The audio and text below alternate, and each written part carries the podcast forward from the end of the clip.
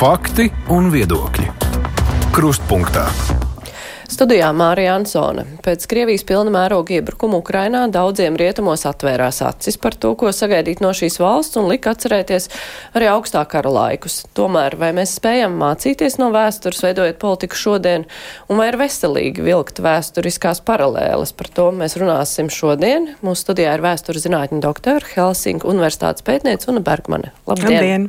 Jūsu grāmata Nenoteiktības politika, ASV, Baltijas jautājums un Padomju Savienības sabrukums ir iznākusi Oksfordā, angļu valodā. Vai Un tā ir arī tapusi jums strādājot dažādās valstīs, bet ne Latvijā.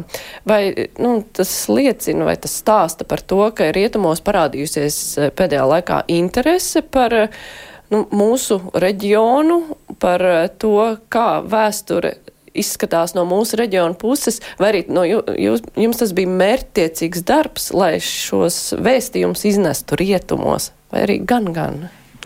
Nu, jāsaka, ka gan, gan no vienas puses, nu, tas īsā atbild varētu būt tāda, ka pilna mēroga iebrukums Ukrainā 22. gadā ļoti daudz ko izmainīja gan akadēmiskajā vidē, gan vispār rietumos. Līdz ar to tā interese pēc tam, pēc 22. gada, eh, viņa ļoti ir pastiprinājusies. Tajā pašā laikā es to savu pētījumu sāku jau diezgan sen. Tas bija jau mans doktora darbs, pat maģistra darbā jau bija kaut kādas iestrādes. Un tajā laikā pārliecināt uh, manu doktora darbu vadītājus Francijā, pārliecināt kolēģus akadēmiskajā vidē. Uh, ASV var būt mazāk, jo tur es arī esmu strādājis. Francijā var būt vairāk pārliecināt, ka šī ir būtiska tēma, uh, ka tai Baltijas valsts perspektīva, ka viņi ir nozīmīgi. Nu, tas, jā, kā jūs teicāt, tas bija tāds mērķiecīgs darbs un pie tā bija jāstrādā. Uh, man ieteica varbūt kādas mazliet interesantākas, ejošākas tēmas. Bet, nu jā, tad tādā traģiskā veidā, priekš Ukraiņas, priekš mums visiem traģiskā veidā šī tēma par to, kāds tad ir tās nu, PSRS pakļauto tautu skatījums uz PSRS sabrukumu. Tad šī tēma pēc um, 22. gada kļūda daudz aktuālāka. Man gan jāsaka, gods un slavu manai redaktorei uh, Oksfordas uh, izdevniecībā, jo viņa to manu manuskriptu paņēma pirms pilnās invāzijas sākuma. Tā kā viņai bija, mēs arī ar viņu par to esam runājuši, ka viņai bija tā interese un tā vīzija, ka šo te nu, kaut kādā mērā marginalizēto, marginalizēto uh, tautu skatījums, ka viņš ir vērtīgs un, un, un ka viņiem ir jāpievērš uzmanība. Bet kā jums šķiet, vai jums izdevās laust kaut kādus mītus vai nu, tādus vienkāršotos priekšstatus uh, par šo periodu gan rietumos, gan arī nu, mums pašiem, jo mē, mums jau arī kā tas viss izskatījās, ka mēs uh, sacēlāmies, dziedājām paralēli PSRS, visas ekonomiskās problēmas, un vēl kaut kur tur blakus Vācija atkal apvienojās. Un, jo mums skatu punkts un rietumiem skatu punkts, protams, ir dažāds, kā tas izskatījās. Bet uh, abas puses droši vien dzīvoja kaut kādā vienkāršotā priekšstatā, kā tas viss notika. Vai ir kaut kādi mīti, Jā, protams, nu, teiksim, tajā manā grāmatā es domāju, ka ir lietas, uh, kas ir interesants un pārsteidzošs teiksim, cilvēkiem rietumos, arī akadēmiskajā vidē, arī pat tiem, kas tajā laikā bija iesaistījušies lēmumu pieņemšanā. Es domāju, ka tā grāmata palīdz. Uh, pārvarēt to skatījumu, ka augstā kara beigas, padomju Savienības sabrukums, nu, principā bija tāds nu, ASV un Maskavā izlemts process vai Maskavā notiekošs process. Tiksim, ilgu laiku historiografijā ir bijis tas skatījums, ka nu, Padomju Savienība sabruka tikpat kā Maskavā. Viss svarīgais notika Maskavā. Manā grāmatā, un arī citu, teiksim, mums jau ir teiksim, Igaunijā un Lietuvā kolēģi, kas šiem jautājumiem ir rakstījuši.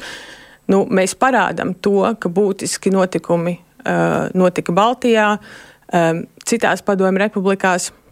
Es domāju, ka tas, kas varbūt tās uh, Latvijā cilvēkiem varētu būt interesanti un pārsteidzoši tajā manā darbā, ir tas, cik svarīgs tas Baltijas jautājums bija ASV ārpolitikā tajā laikā. Jā, mums gribētos, lai tas ASV atbalsts būtu bijis lielāks, bet man liekas, ka mums ir mazliet tāda uh, nu, nepilnīga izpratne par to, cik daudz par šo jautājumu uh, ASV runāja. Teiksim, ja mēs skatāmies tās sarunas starp uh, Bušu un Gorbačovu ne katrā telefona sarunā, bet katrā lielajā samitā Baltijas jautājums tiek apskatīts.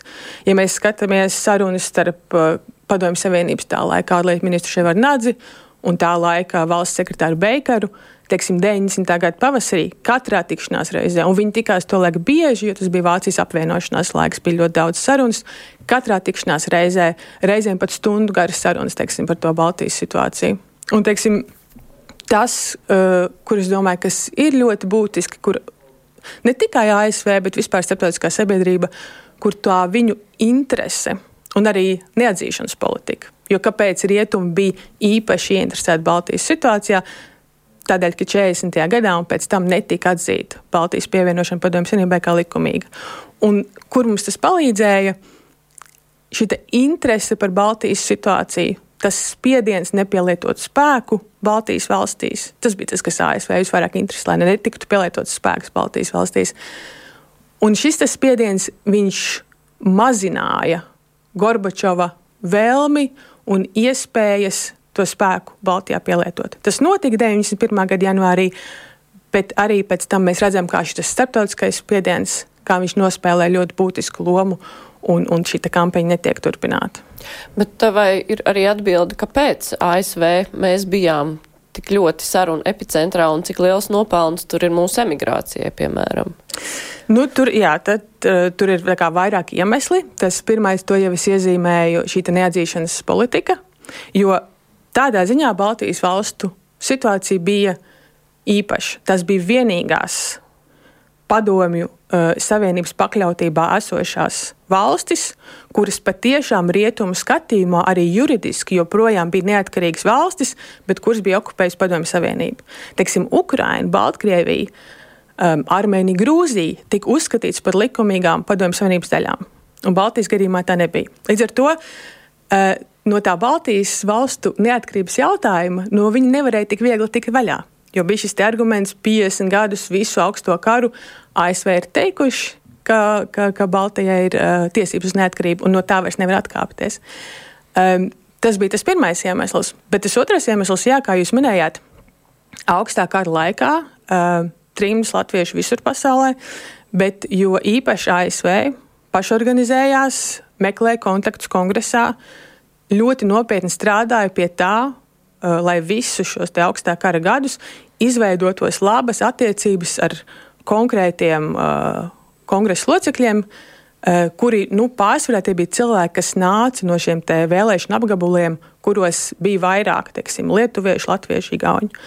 Un šie kontakti, kas bija lēnā, garā, nopietnā darbā veidoti uh, visu augstākā laiku, viņi bija ļoti noderīgi tajā brīdī, kad bija svarīgi panākt lielāku ASV atbalstu Baltijas valsts neatkarībai. Un, un, un tajā brīdī tas ar kongresu arī tika panākts. Bušs un, un, un arī citi, arī Beigers, e, savā vēlākajās atmiņās, viņi patiešām raksta, ka viņi ir jutuši spiedienu no šīs Baltijas diasporas caur kongresu.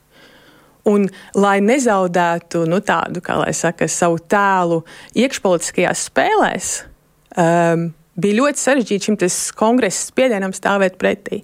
Teiksim, Bušs bija ļoti uzmanīgs. Viņš ļoti uh, baidījās no Gorbačova destabilizācijas. Viņš it kā principā atbalstīja Baltijas neatkarību, bet viņš arī bija ļoti uzmanīgs uh, šajās attiecībās ar Gorbačovu. Bet tas spiediens, kas nāca no kongresa, bieži vien lika viņam izdarīt lielāku spiedienu uz Gorbačovu, nekā viņš būtu gribējis. Un šie kongresa spiediena nu, saknes um, ir tā mūsu diasporas aktivitāte augstākā laikā. Ja mēs paraugamies uz to, kas tagad notiek Ukrainā, protams, ka tā situācija ir ļoti dažāda tā ziņā, ka Krievija ir vienkārši iebrukusi tur un nogalina cilvēkus, karo brutāli, kamēr mēs jau bijām okupēti un mēs gribējām atbrīvoties no okupācijas.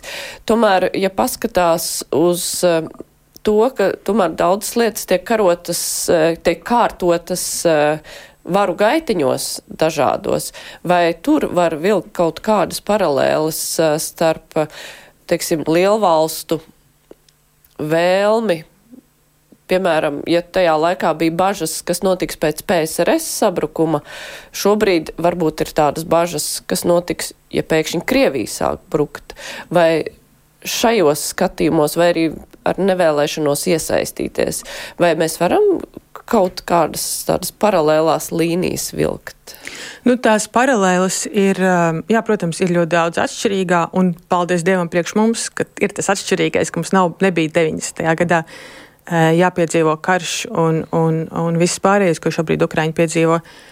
Bet es domāju, ka tā pirmā lielā fundamentālā līdzība ir tā, ka gan Baltijas tā tiekšanās pēc neatkarības 89. gadā, 90. un 91. gadā, gan Ukraiņas cīņa šobrīd, gan vēl ļoti daudz notikumu šajā te, nu, plašajā reģionā, par kur kādreiz dominēja Cariskā impērija un pēc tam Padomju Savienība.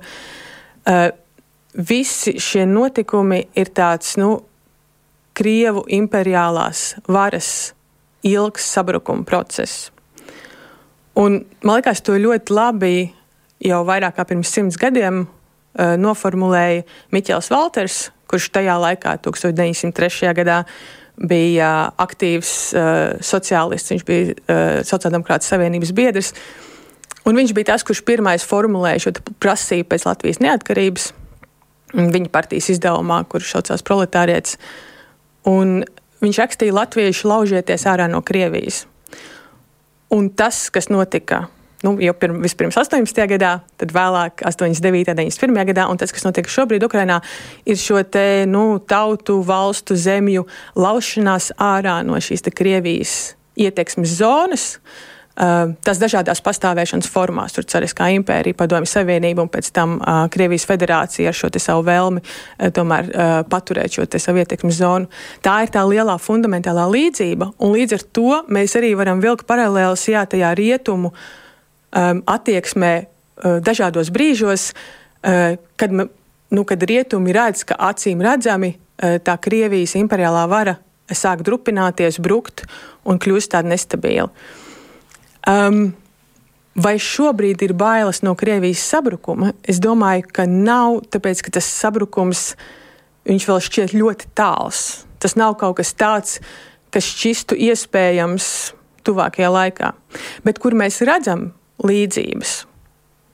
Tagad varbūt šobrīd, nu jau divus gadus pēc pilna iebrukuma sākuma, tās tendences ir mazinājušās, bet viņas joprojām ir redzamas, tās bailes no um, eskalācijas, no attiecību, teiksim, Gorbačovā laikā, tas nu, pat kaut kādā ziņā no rietumu pašu interešu viedokļa varēja šķist loģiski, ka viņi baidās, ka šīs attiecības ar Gorbačovu samaitāsies, jo no tām labajām attiecībām ar Gorbačovu varēja ļoti daudz ko gūt. Ar Putinu tas ir mazliet savādāk. Nav bailes samaitāt attiecības, jo viņas jau ir, nu, principā samaitātas Putina pašu rīcības dēļ, cik vien var. Bet ir tās bailes no tā, kā tomēr Putins reaģēs. Vai nebūs lielāka eskalācija, vai nesāksies atomkarš. Uh, un tad, protams, Makrona tas uh, slavenais, uh, naivais mm, citāts par to, ka Putina nedrīkst pazemot. Um, un mēs redzam tādu, nu, tādu ļoti lielu uh, iedziļināšanos to dažādo Krievijas imperiālo formu līderu, nu, tādās psiholoģijā, nu, kaut kādā ziņā viņu apmēram labbūtībā, vai viņš netiks pazemots, kā viņš ar to jutīsies, vai tas viņu nu, nespiedīs uz vēl lielāku eskalāciju. Un tā problēma šajā attieksmē ir tā, ka gan 90. gadā, teiksim, tā, bet kas notiks ar Baltiju, bija tas otršķirīgais jautājums. Un bieži vien saku, šī tendence mazinās, bet viņi joprojām ir redzami, ka tomēr tas jautājums, kas notiks ar Ukrainu, dažiem rietumu politiķiem, eh, joprojām ir otršķirīgs par to, kā reaģēs Krievija un kā tas ietekmēs mūs. Ka tas skatījums joprojām ir vispirms uz Maskavu un tikai tad uz tiem cilvēkiem, kuri nu, piedzīvo ļoti lielas ciešanas zem, zem šīs Maskavas varas vai Maskavas rīcības rezultātā. Bet vienlaikus nu, visas rietumu valstis, gandrīz visas. Uh, Lai gan praktiski pat Ungārija jau, protams, formāli ir Ukrainas pusē, bet uh, nu, visi ir teikuši, mēs atbalstīsim Ukrainu, mēs esam par Ukrainu, mēs gribam, lai Ukraina uzvar. Tajā pašā laikā nav jau skaidri noformulēts, nu, labi, Ukraina uzvar, Ukraina atbrīvo savas teritorijas, pieņemsim. Bet, ja Krievija ir vienkārši izdzīta aiz robežām, nu viņa tur eh, paliek un eh, mēs varam vienkārši gaidīt kādu nākamo uzbrukumu kaut kur. Mēs nezinām, kur tas puķa liesma atkal izšausies.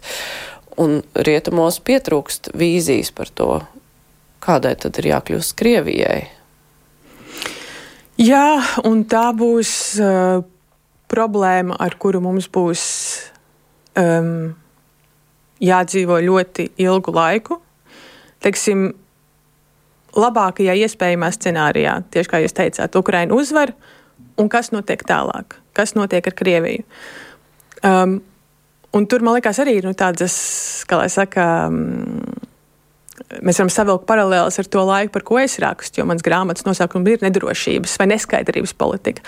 Un mums būs jādzīvo ļoti ilgu laiku, tas jau, ko mēs tagad darām, tādos neskaidrības un līdz ar to arī nedrošības apstākļos.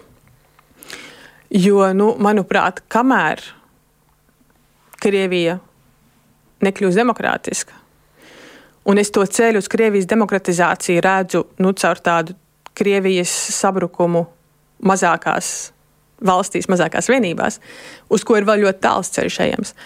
Um, līdz ar to jā, mums būs jādzīvo šo neskaidrības, nedrošības politiku par to, ko lēmumu pieņēmēji Maskavā, ko viņi vēlēsies darīt, kā, kāda, kāda ir tik, cik lieli ir tie riski.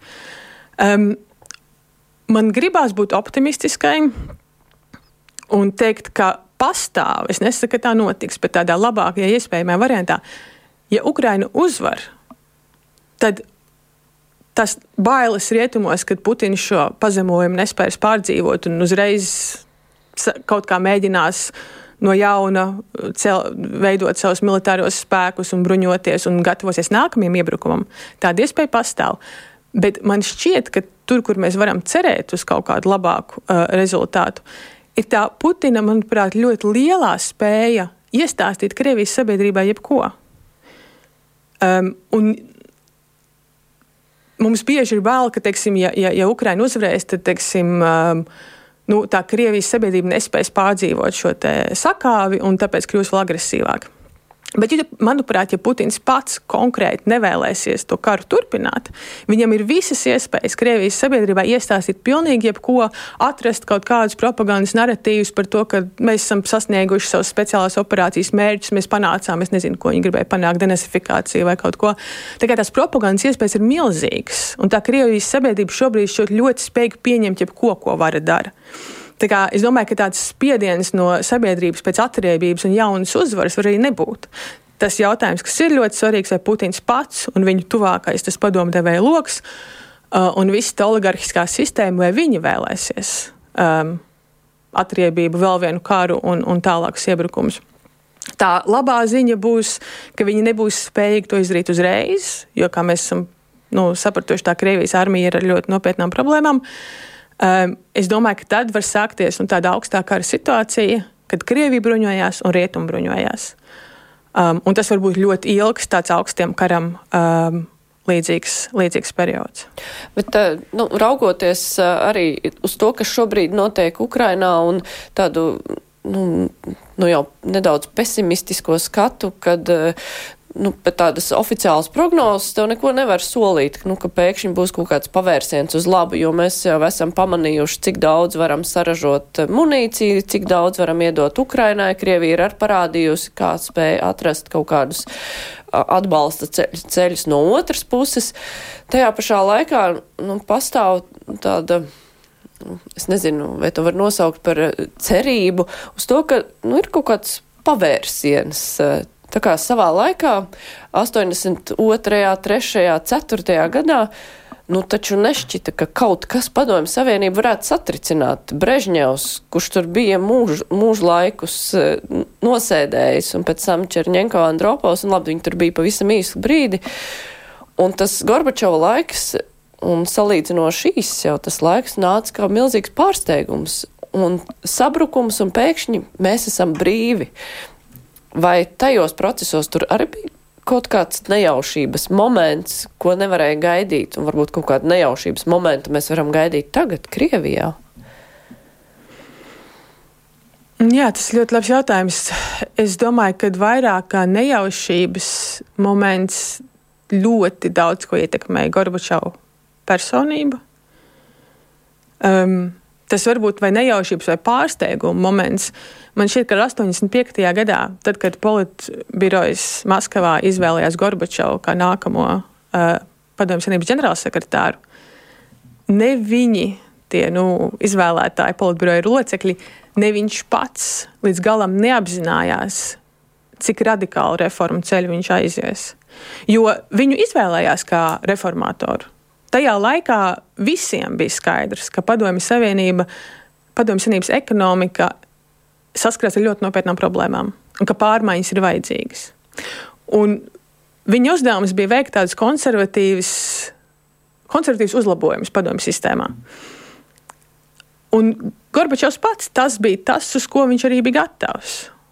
Un tad, kā lai saka, tā daļēji to pirmo ekonomisko reformu neizdošanās, daļēji tā notikumu lavīna, kas Gorbačovs zaudēja kaut kādā mērā kontroli pār tiem procesiem, ko viņš bija sācis.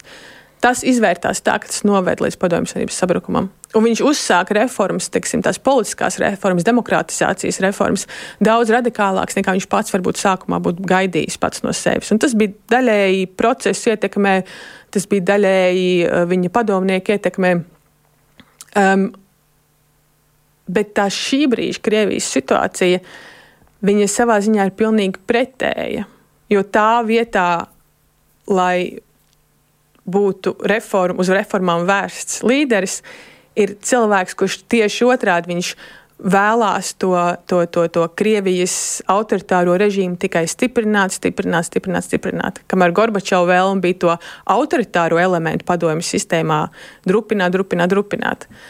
Um, Bet, uh, nu, es, es atceros, ka es jā. pārtraucu, bet uh, nu, Brežņeva laika jau var beidzās ar to, ka viņš vienkārši palika vecs un nomira. Mm. Un uh, tie divi pārējie arī palika Jā. veci un nomira, un Putins jau arī nav mūžīgs. Un jautājums ir tikai, vai tur tie, tie kur izvēlas nākamo līderi, vai viņi ir spējīgi izvilkt kādu tādu, kurš maina visu Krievijā? Nu, tas, ir ļoti, jā, tas ir ļoti labs jautājums, un tas ir jautājums par to, uz ko mums tā īsti joprojām nav atbildes.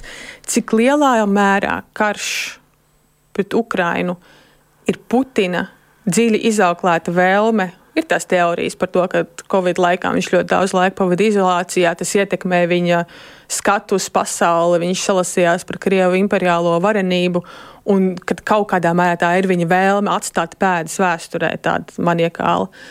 Uh, bet tikpat labi tās impēriskās tieksmes un, un, un viss tā, tas skatījums par to, to, to varenības apliecināšanas nepieciešamību, viņa ļoti iespējams ir iesakņojusies tādā plašākā lokā ap viņu. Cik lielā mērā, un tas man liekas ir būtiski, viņi ir klātesoši tajā oligarhiskajā sistēmā, kas balsta Putina varu. Tas man šķiet ir labs jautājums, jo tie cilvēki, kas vēlās vienkārši nu, taisīt biznesu legāli, nelegāli, kļūt aizvien bagātāki un tā tālāk un tā projām, viņiem tas karš ļoti neizdevīgs. Vai no tās vidas varētu nākt vai nu galma apvērsums, uz ko mēs cerējām, eh, vai teiksim, kāda alternatīva Putinam tajā brīdī, kad viņš nomirst, uz to mēs varam cerēt. Un, jā, protams, un, un tad tas jautājums būs, kas notiek tad? Vai tā ir, teiksim, Putins ir aizgājis un mēs pavaram baltu lapu un sākam visu no sākuma, tas arī būtu pārsteidzīgi. Jo uh, tur būtu ļoti nopietni jāskatās uz to, ja, ja teiksim, tas viņa sekotājs pārtrauc karu Ukrajinā. Uh, tad tas, protams, ir ļoti labi un tā ir laba zīme. Bet tur ir ļoti rūpīgi jāskatās, uh, teiksim, no kādas vidas tas cilvēks nāk, kādi ir viņa tālākie mērķi attiecībā uz Krieviju.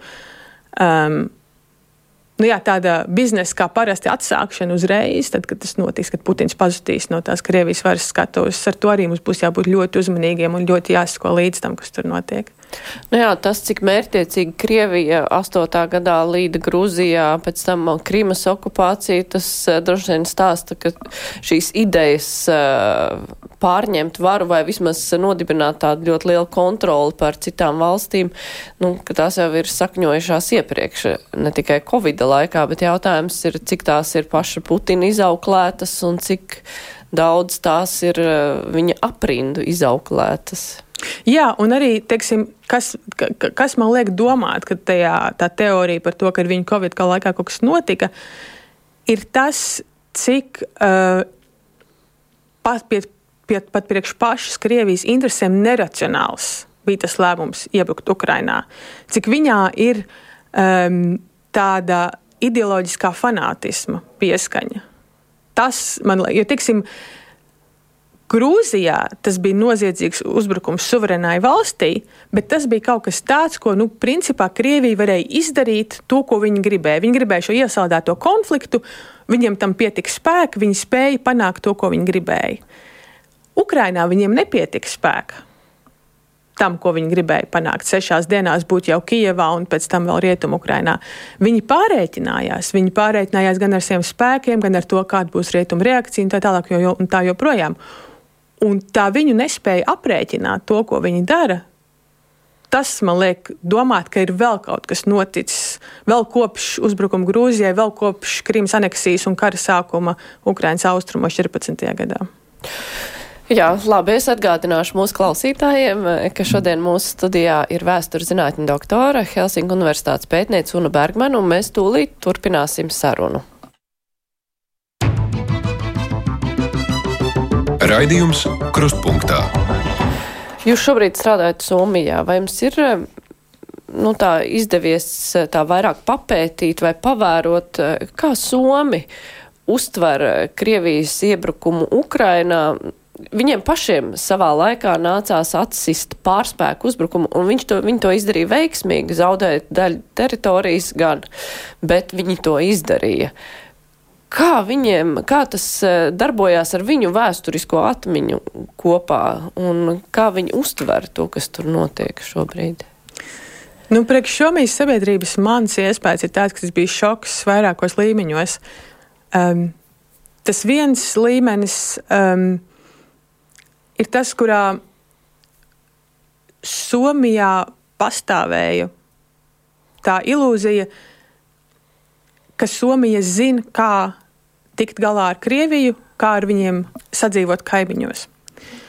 Tas nenozīmē, ka Somija nenovērtēja Krievijas draudu. Es domāju, ka Somija bija viena no tām sabiedrībām un valstīm, kas tieši dēļ savas vēsturiskās pieredzes vienmēr ir bijusi ļoti uzmanīga. Tas, tiksim, cik Somija ļoti nopietni piegājusi, nesot NATO dalību valsts, bet cik ļoti nopietni viņi ir piegājuši savai aizsardzībai.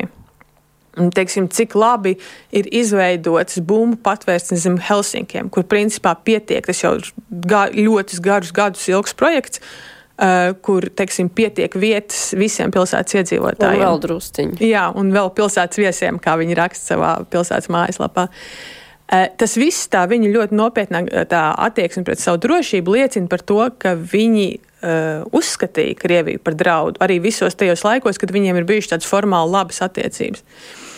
Bet tas, kas Somijas sabiedrību šokēja, bija tieši tas, ka Viņi uzskatīja, jā, mēs zinām, ka tas ir drauds, bet mēs zinām, kā ar šo draudu, kā, viņš, kā šis draudīgais kaimiņš, kā viņš rīkojas, ko no viņa sagaidīt. Un tur arī tā uzbrukuma iracionalitāte, tas neloģiskums, tā, tas, cik tas bija kaitīgi pašas Krievijas interesēm, eh, tas šokēja Somijas sabiedrību. Tas, tas sajūta, ka mēs tomēr, man ir kolēģi teikuši, mēs domājam, ka mēs zinām, bet mēs izrādās, mēs neko nezinājām. Nu, trakais vienmēr biedē vairāk nekā normālais, kur var prognozēt, protams. Nu, jā.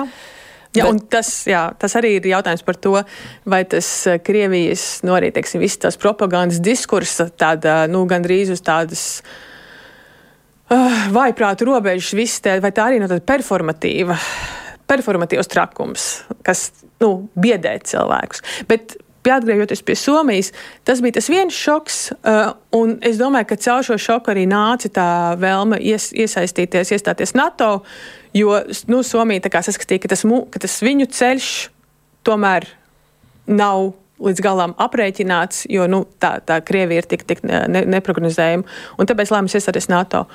Un tad nu, tādas ļoti uh, nu, dziļas iekšpolitikas debates par to, vai Somija nepieļāva kļūdu ātrāk neiestājoties NATO. Nu, tāda, jā, tāda, um, Visas šīs diskusijas, un tad tāda dziļākas arī nu, par to augstākā pieredzi. Jo, teiksim, jā, Somija saglabāja savu neatkarību, uh, bet tas, ko Somija paši tagad nu, ļoti um, atklāti saka, ka kaut kādā ziņā viņi zaudēja savu nu, ne suverenitāti pilnībā, bet būtisku suverenitātes sadaļu, kas ir uh, brīva ārpolitikas veidošana. Visus augstā kara gadus Somija savu ārpolitiku veidoja domājot, kā uz to reaģēs Maskava. Un tur kaut kādā ziņā pat arī bija nu, tāda nu, pašcensūra, jo nebija tā, ka no Maskavas pienāktu, kā teiksim, nezinu, uz Varšavu vai Prāgu tajā laikā instrukcijas, kā jums ir jālīkojas, bet tā nemitīgā skatīšanās uz to, kāda būs reakcija no kaimiņu puses, kas ir savā mērā nu, kaut kāds suverenitātes elementa uh, zaudējums. Un, nu, tā bija arī teiksim, tā ziemas kara traumatiskā pieredze, kas arī uh, dēļ tām īpatnējām attiecībām ar Padomju Savienību netika pilnībā izrunāta sabiedrībā. Tas dziļākas tādas sarunas par to, kas notika Ziemas kara laikā par visu to otrā pasaules kara periodu, viņas sākās ar Padomju Savienības sabrukumu. Bet tā joprojām ir tāda nu, vēsturiska trauma, par kuru man liekas, Somijas sabiedrība vēl turpina to sarunu. Bet nu, tā atkarība lēmumu pieņemšanā, ko par to teiks Krievija, tas jau, nav, tas jau ir raksturīgs. Tas arī mums te bija šad un tad, nu, varbūt ne gluži ārpolitikas veidošanā, bet kaut kādu lēmumu pieņemšanā, tā skatīšanās pār plecu. Tāpat arī citās valstīs.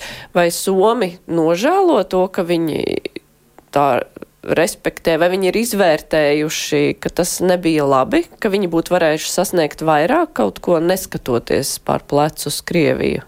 Jo tas jau noteikti bija nu, drīzāk baiļu un piesardzības dēļ. Jā, darīts. jā protams. Nu, tas Somijas gadījums ir tāds, kā lai saka, īpatnējāks un varbūt tā, tā augstākā laikā, ne, ne pēc 91. gada, bet augstākā laikā. Teiksim, tas, ko mēs saucam par finlandizāciju.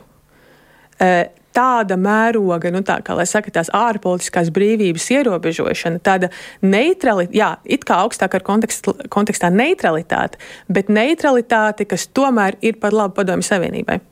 E, mums tas nav gluži tas pats, kas, teiksim, nezinu, tur Makrons uztraucās par Putina pazemošanu. Tā bija tāda, nu, kā lai saka, sistēmiska politika, kas nu, bija klātesoša Somijā visu šo laiku. Es nevaru teikt, ka, teiksim, Somijas sabiedrība kopumā nožēlo, eh, bet ir debatas par to pieredzi un par to, nu, cik dziļa tomēr bija tā, tā, tā, tas padomju savienības spēks un ietekme uz Somiju. Um, jā, tas var būt. Un arī nu, Somija, kā visas sabiedrības, ļoti dažāda. Tur ir dažādi politiskie spēki, dažādas debatas. Un, teiksim, saku, tā ir tāda saruna, kas turpinās par to augstākā pieredzi. Um, bet jā, tā ir tāda būtiska saruna, kam viņi šobrīd pievērsušies. Mums uh, nu, nereti, protams, tās ir visas spekulācijas, un neviens jau nevar pateikt, kā, kā būtu, ja būtu. Bet uh, mēs esam daudz skatījušies Somiju un domājuši, nu kā būtu, ja Baltijas valsts starpkara laikā patiešām spētu vienoties par to, tā kā tagad vienojas par kopīgu aizsardzības lī, līniju, ja mēs būtu vairāk sadarbojušies, ja mēs būtu pretojušies. Vai varbūt mums arī būtu izdevies Eh, kā Somiem nosargāt savu neatkarību. Kā tas no Somijas puses izskatās? Vai viņi kādreiz ir nu, nu, vai no ar nožēlu raudzījušies, ka mēs to nedarījām, vai domājuši par to, a, kā būtu, ja viņi nebūtu sevi nosargājuši? Nu, es tādās sarunās, teiksim, um, varbūt mazāk ar kolēģiem, bet vienkārši ar somu, somiem, ko es, ko es teiksim, pazīstu īpaši. Uh, Eh, tādiem varbūt vecāku gadagājumu cilvēkiem, bet ne tikai.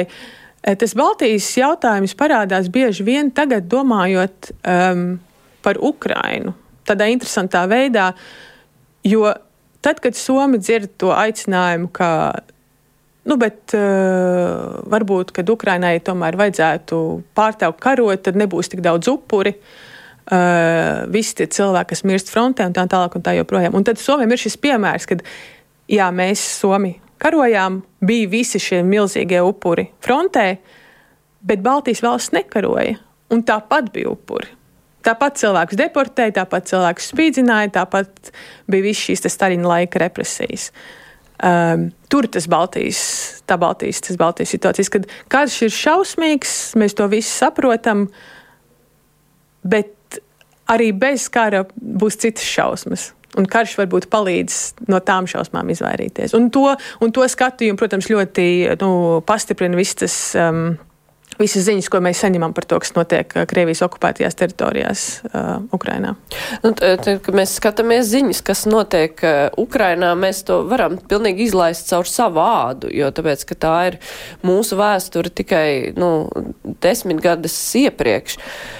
Savukārt rietumos vai tur nu, tās šausmas. Uh, viņi spēja vispār izjust uz savas ādas, uh, kas tur tagad notiek, jo vai tie ir tikai tukši vārdi ziņās jautājums? Nu, es domāju, ka arī tās rietumu sabiedrības rietumu valstis, nu, teiksim, ja mēs domājam tā, tādā eh, nu, augstākā, ko mēs augstajā karā uzskatījām par rietumiem, eh, tad arī tās valstis savā starpā ir ļoti dažādas, ar ļoti dažādām vēsturiskajām pieredzēm. Tās sabiedrības ir ļoti dažādas, pat teiksim, valstīs, kuras ir nu, nezinu, vairāk vai mazāk vēsturisku un geogrāfisku apstākļu dēļ jūtās kā, nu, tālu no Ukraiņas notikumiem. Zinu, Spānija, Portugāla arī tur atradīsies. Arī tajās sabiedrībās būs tomēr cilvēki, kas sako līdzi un, un kuri, kurus tas interesē.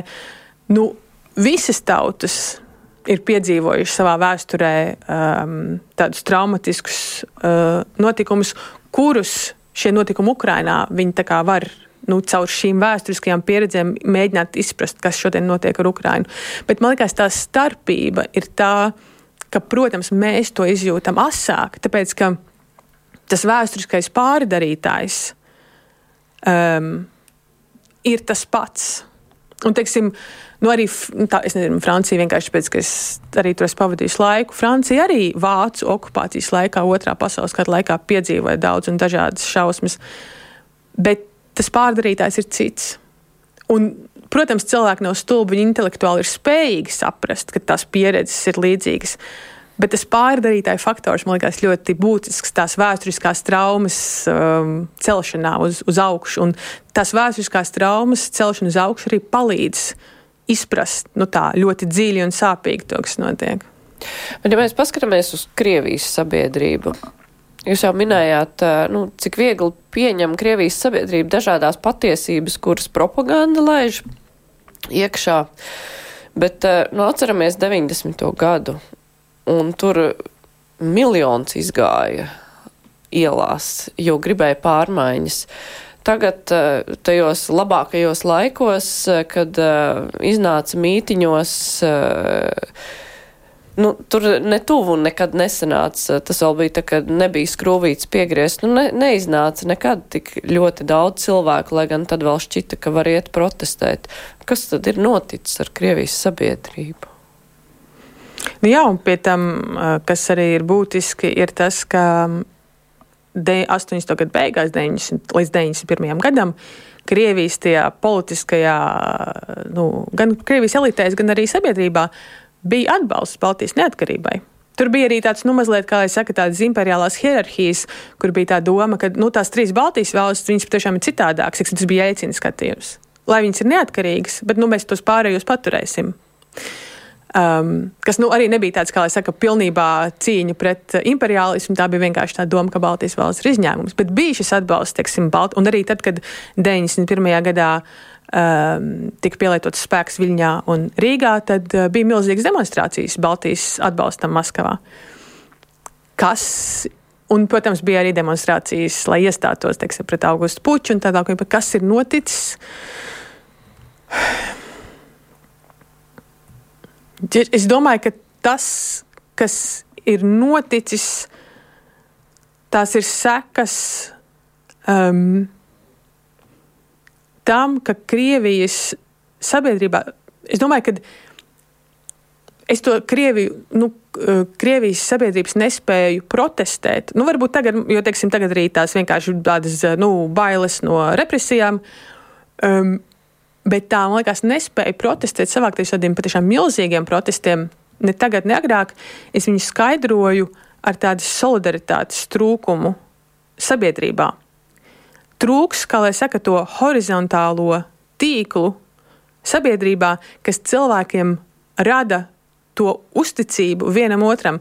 Ja es iziešu ielās, kāds nāks ar mani, ja mani vilks projām uh, miliči, tad kāds man mēģinās palīdzēt. Um, un trūkst izpratnes par to kopējo labumu. ka ir kaut kāda kopīga lieta, par kuru mēs visi kā sabiedrība esam atbildīgi.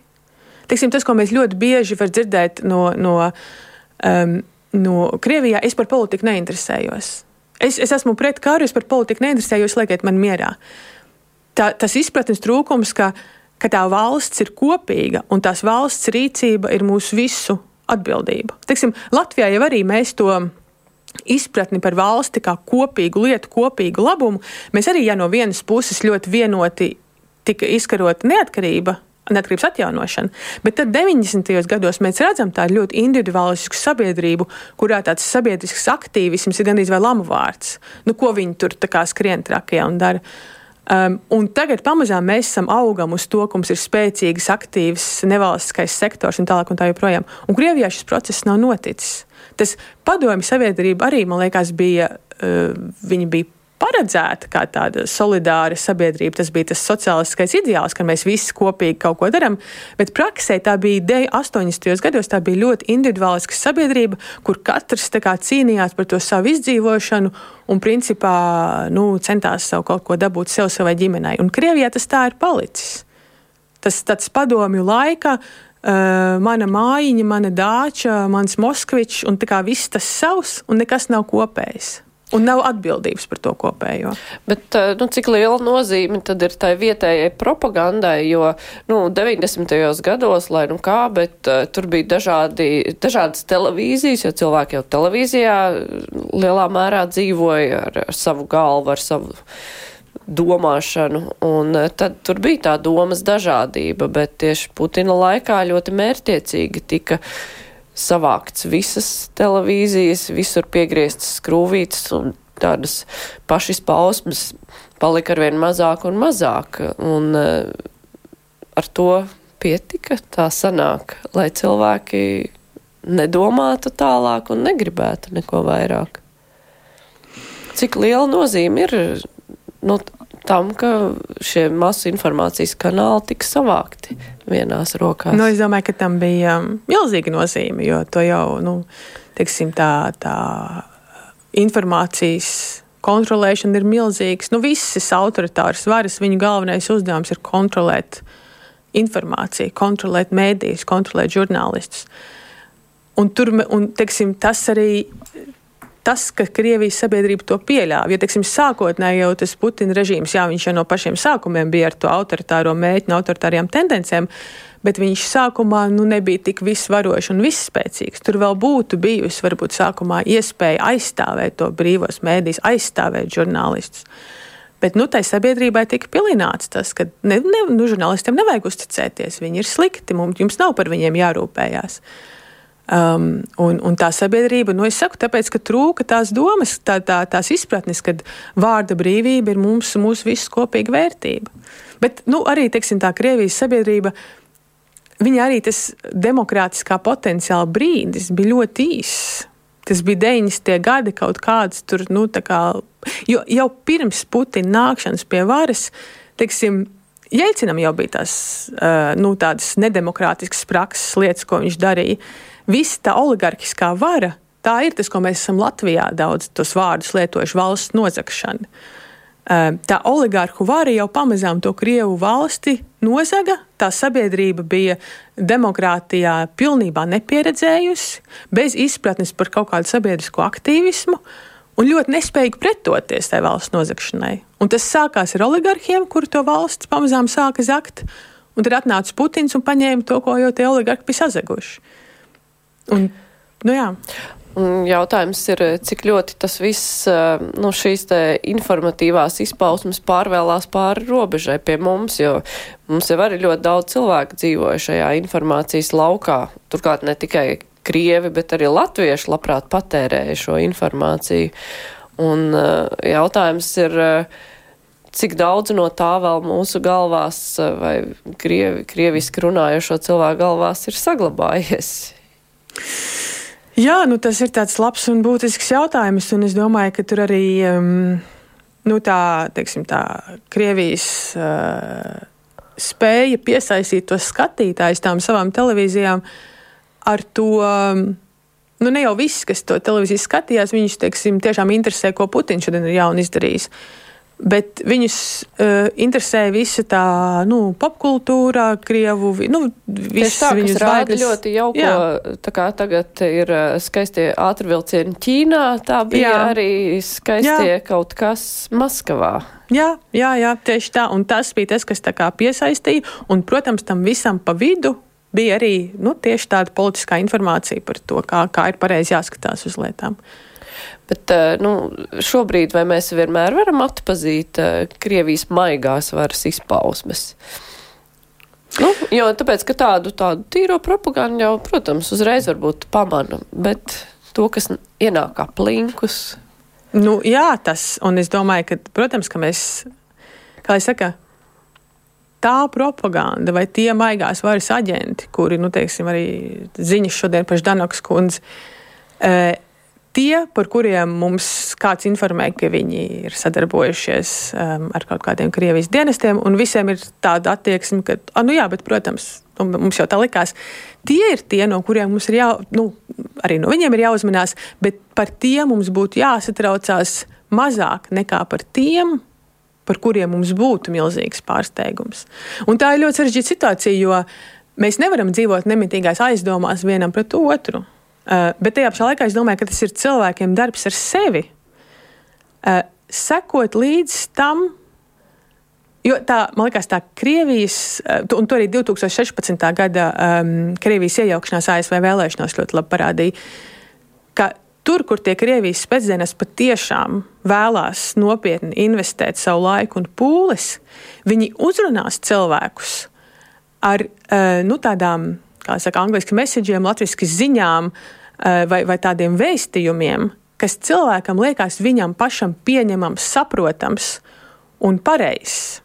Teiksim, 2016. gada vēlēšanas uh, ASV Eh, tās galvenais mērķis bija pirmkārt eh, graut uzticību eh, ASV institūcijām, kas arī var, nu, var šķist, nu, tā, nu, kā tad es varētu pēkšņi sākt neusticēties valsts institūcijām.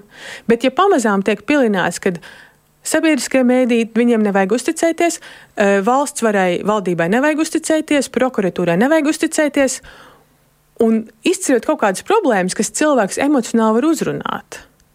Bet tajā pašā laikā tā, tā, tās mehānisms, ko mēs redzējām 16. gadā ASV, ka tas tiek, nu, kā jau saku, pilināts, pilināts, pilināts, līdz cilvēkiem patiešām šķiet, ka vēlēšanas ir nozagts. Nevar vairs ticēt vēlēšanu sistēmai ASV. Un tad tā sabiedrības šķelšana, teiksim, arī šis te ASV piemērs, kur tie nu, Krievijas troļu fermas strādāja tieši uz to, lai uh, padziļinātu sabiedrības polarizāciju. Pie cilvēkiem šie te, nu, troļi strādāja.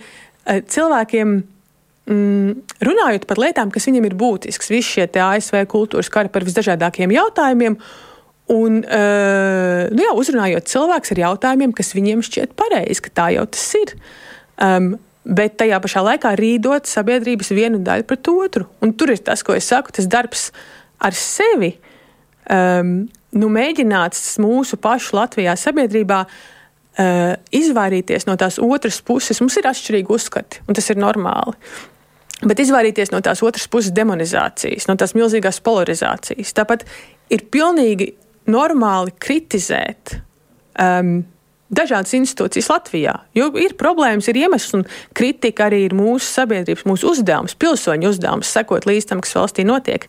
Bet varbūt izvairīties no tādas, nu, um, nu tādas um, nu, pasaules gala sajūtas mums, mēs nevaram nekam ticēt mūsu valstī, mēs nevaram uzticēties mūsu institūcijām. Mēs viņus varam kritizēt, bet kritika par konkrētām problēmām nav tas pats kā šī te nu, neusticēšanās valstī. Bet nu, ir arī jautājums, cik daudz no tiem, kas ir, eh, piemēram, sociālajos tīklos, sev pozicionē kā lielākos Latvijas patriotus un bārstās ar apvainojumiem visapkārt, ka tas ir Kremļa aģents, tas ir eh, Kremļa lakstīgala, tas ir sarkanais. Cik daudz eh, tas ir tāpēc, ka nu, cilvēks tā jūtas un cik daudz speciāli tiek pakurināta tā uguns, lai šķeltu cilvēkus. Bet mēs jau kā skatītāji to nevaram saprast, kurš ir kurš. Nu, mēs nevaram, un, un, un um, Nu, tāpēc es saku, man šķiet, ka cilvēkiem, mums visiem vajadzētu um, ļoti uzmanīgi lietot sociālos tīklus šajos laikos. Mm, jo es neesmu, kā jau teicu, es neesmu propagandas un dezinformācijas pētniece. Bet pēc tā, ko es esmu dzirdējis no kolēģiem, jo īpaši ASV, tas tie kampaņveidīgie uzbrukumi konkrētiem, konkrētām amatpersonām, konkrētiem cilvēkiem sabiedrībā, tie, tā kampaņu veidīgums, viņš man ļoti atgādina to, ko man ir stāstījuši kolēģi, kas ir pētī, pētījuši šo 2016. gada situāciju. Um, Un tas, vai tas ir vienkārši cilvēks, kas jūtas dzīvē vīlies, un tāpēc viņš kritizē un, un, un, un uzbrūk kaut kādām amatpersonām, rakstot niknus komentārus, vai tas, teiksim, ir kāds eh, Krievijas troļu fermā sēž, sēdošs darbinieks. Nu, jā, mums bieži vien nav iespēja eh, to tā, nu, tā pašiem izvērtēt bez tādām, tādām dziļākām zināšanām. Bet vai politiķi vienmēr apzinās, ko viņi dažkārt, nu, teiksim, nāk kādas vēlēšanas, un viņi grib būt arī populāri un kādam elektorātam runāt tīkamas lietas, vai viņi apzinās, nu, jo viņu vārdam tomēr ir varbūt lielāks svars nekā kādam anonīmam komentētājam, vai viņi apzinās, ka viņi var uztaisīt tādu uguni, kur pēc tam paši nevar nodzēst. Nu, diemžēl man šķiet, ka viņi to neapzinās. Diemžēl uh, nu, es domāju, ka teiksim, uz politiķiem šobrīd guļās vienkārši milzīga atbildība. Jo celt savu popularitāti, demonizējot savus kolēģus, citus politiķus citām partijām, un ar tādiem, nu, kā lai saka, tādām nu, milzīgiem apvainojumiem par, par, par nekompetenci un, un nespēju un tā tālāk un tā joprojām. Un, un tāda sazvērestības teoriju bīdīšana cilvēki šobrīd ir tik ļoti nobijušies tā, kas notiek Ukrajinā. Cilvēki ir tik ļoti nomākti ar tām rūpēm, par nākotni, par to, kāda, kāda būs nākotne, vai mēs esam gatavi, vai Latvijas aizsardzība ir pietiekoši spēcīga, ja nu gadījumā notiek sliktākais, ka cilvēks ir ļoti viegli satricināt. Un tāpēc kādam, kurš grib šobrīd celt savu politisko kapitālu, es saku, demonizējot otru pusi, savus kolēģus, citus politiķus, to ir ļoti viegli izdarīt. Bet to nevajadzētu, protams, darīt, jo tādā veidā mēs, tādā veidā mēs sadrupinām to, nu, to solidaritāti un to kopību, kas pastāv mūsu sabiedrībā. Tas, ko es teicu par Krievijas sabiedrību, kā viņiem nav tās kopības izpratnes. Mums viņa ir, bet tas nav tāds resurs, ko mēs varam šķērdēt un plūkāt bezgalīgi.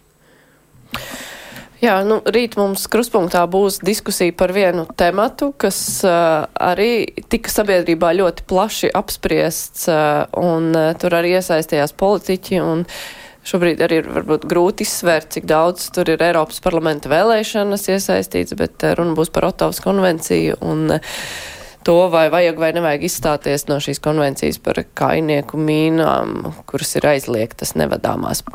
Bet, nu, tad es teikšu paldies eh, mūsu sarunas viešņai. Šodien kopā ar mums bija no Helsika universitātes pētniece vēstures zinātņu doktore Una Bergmane. Paldies par. Paldies interesanto sarunu. Un tātad, kā jau es minēju, rīt mums būs e, šī diskusija, un mēs aicinām uz sarunu politiķus, saimnes deputātus, kuriem arī tad e, šādos jautājumos ir jāpieņem gala lēmums. Bet raidījums krustpunktā ar to arī izskan. Raidījuma producente ir Ieva Zēza, studijā bija Mārija Ansone. Jūs varat mūs noklausīties arī atkārtojumā pēc deviņiem vakarā vai arī podkāstu aplikācijās. Visu labu!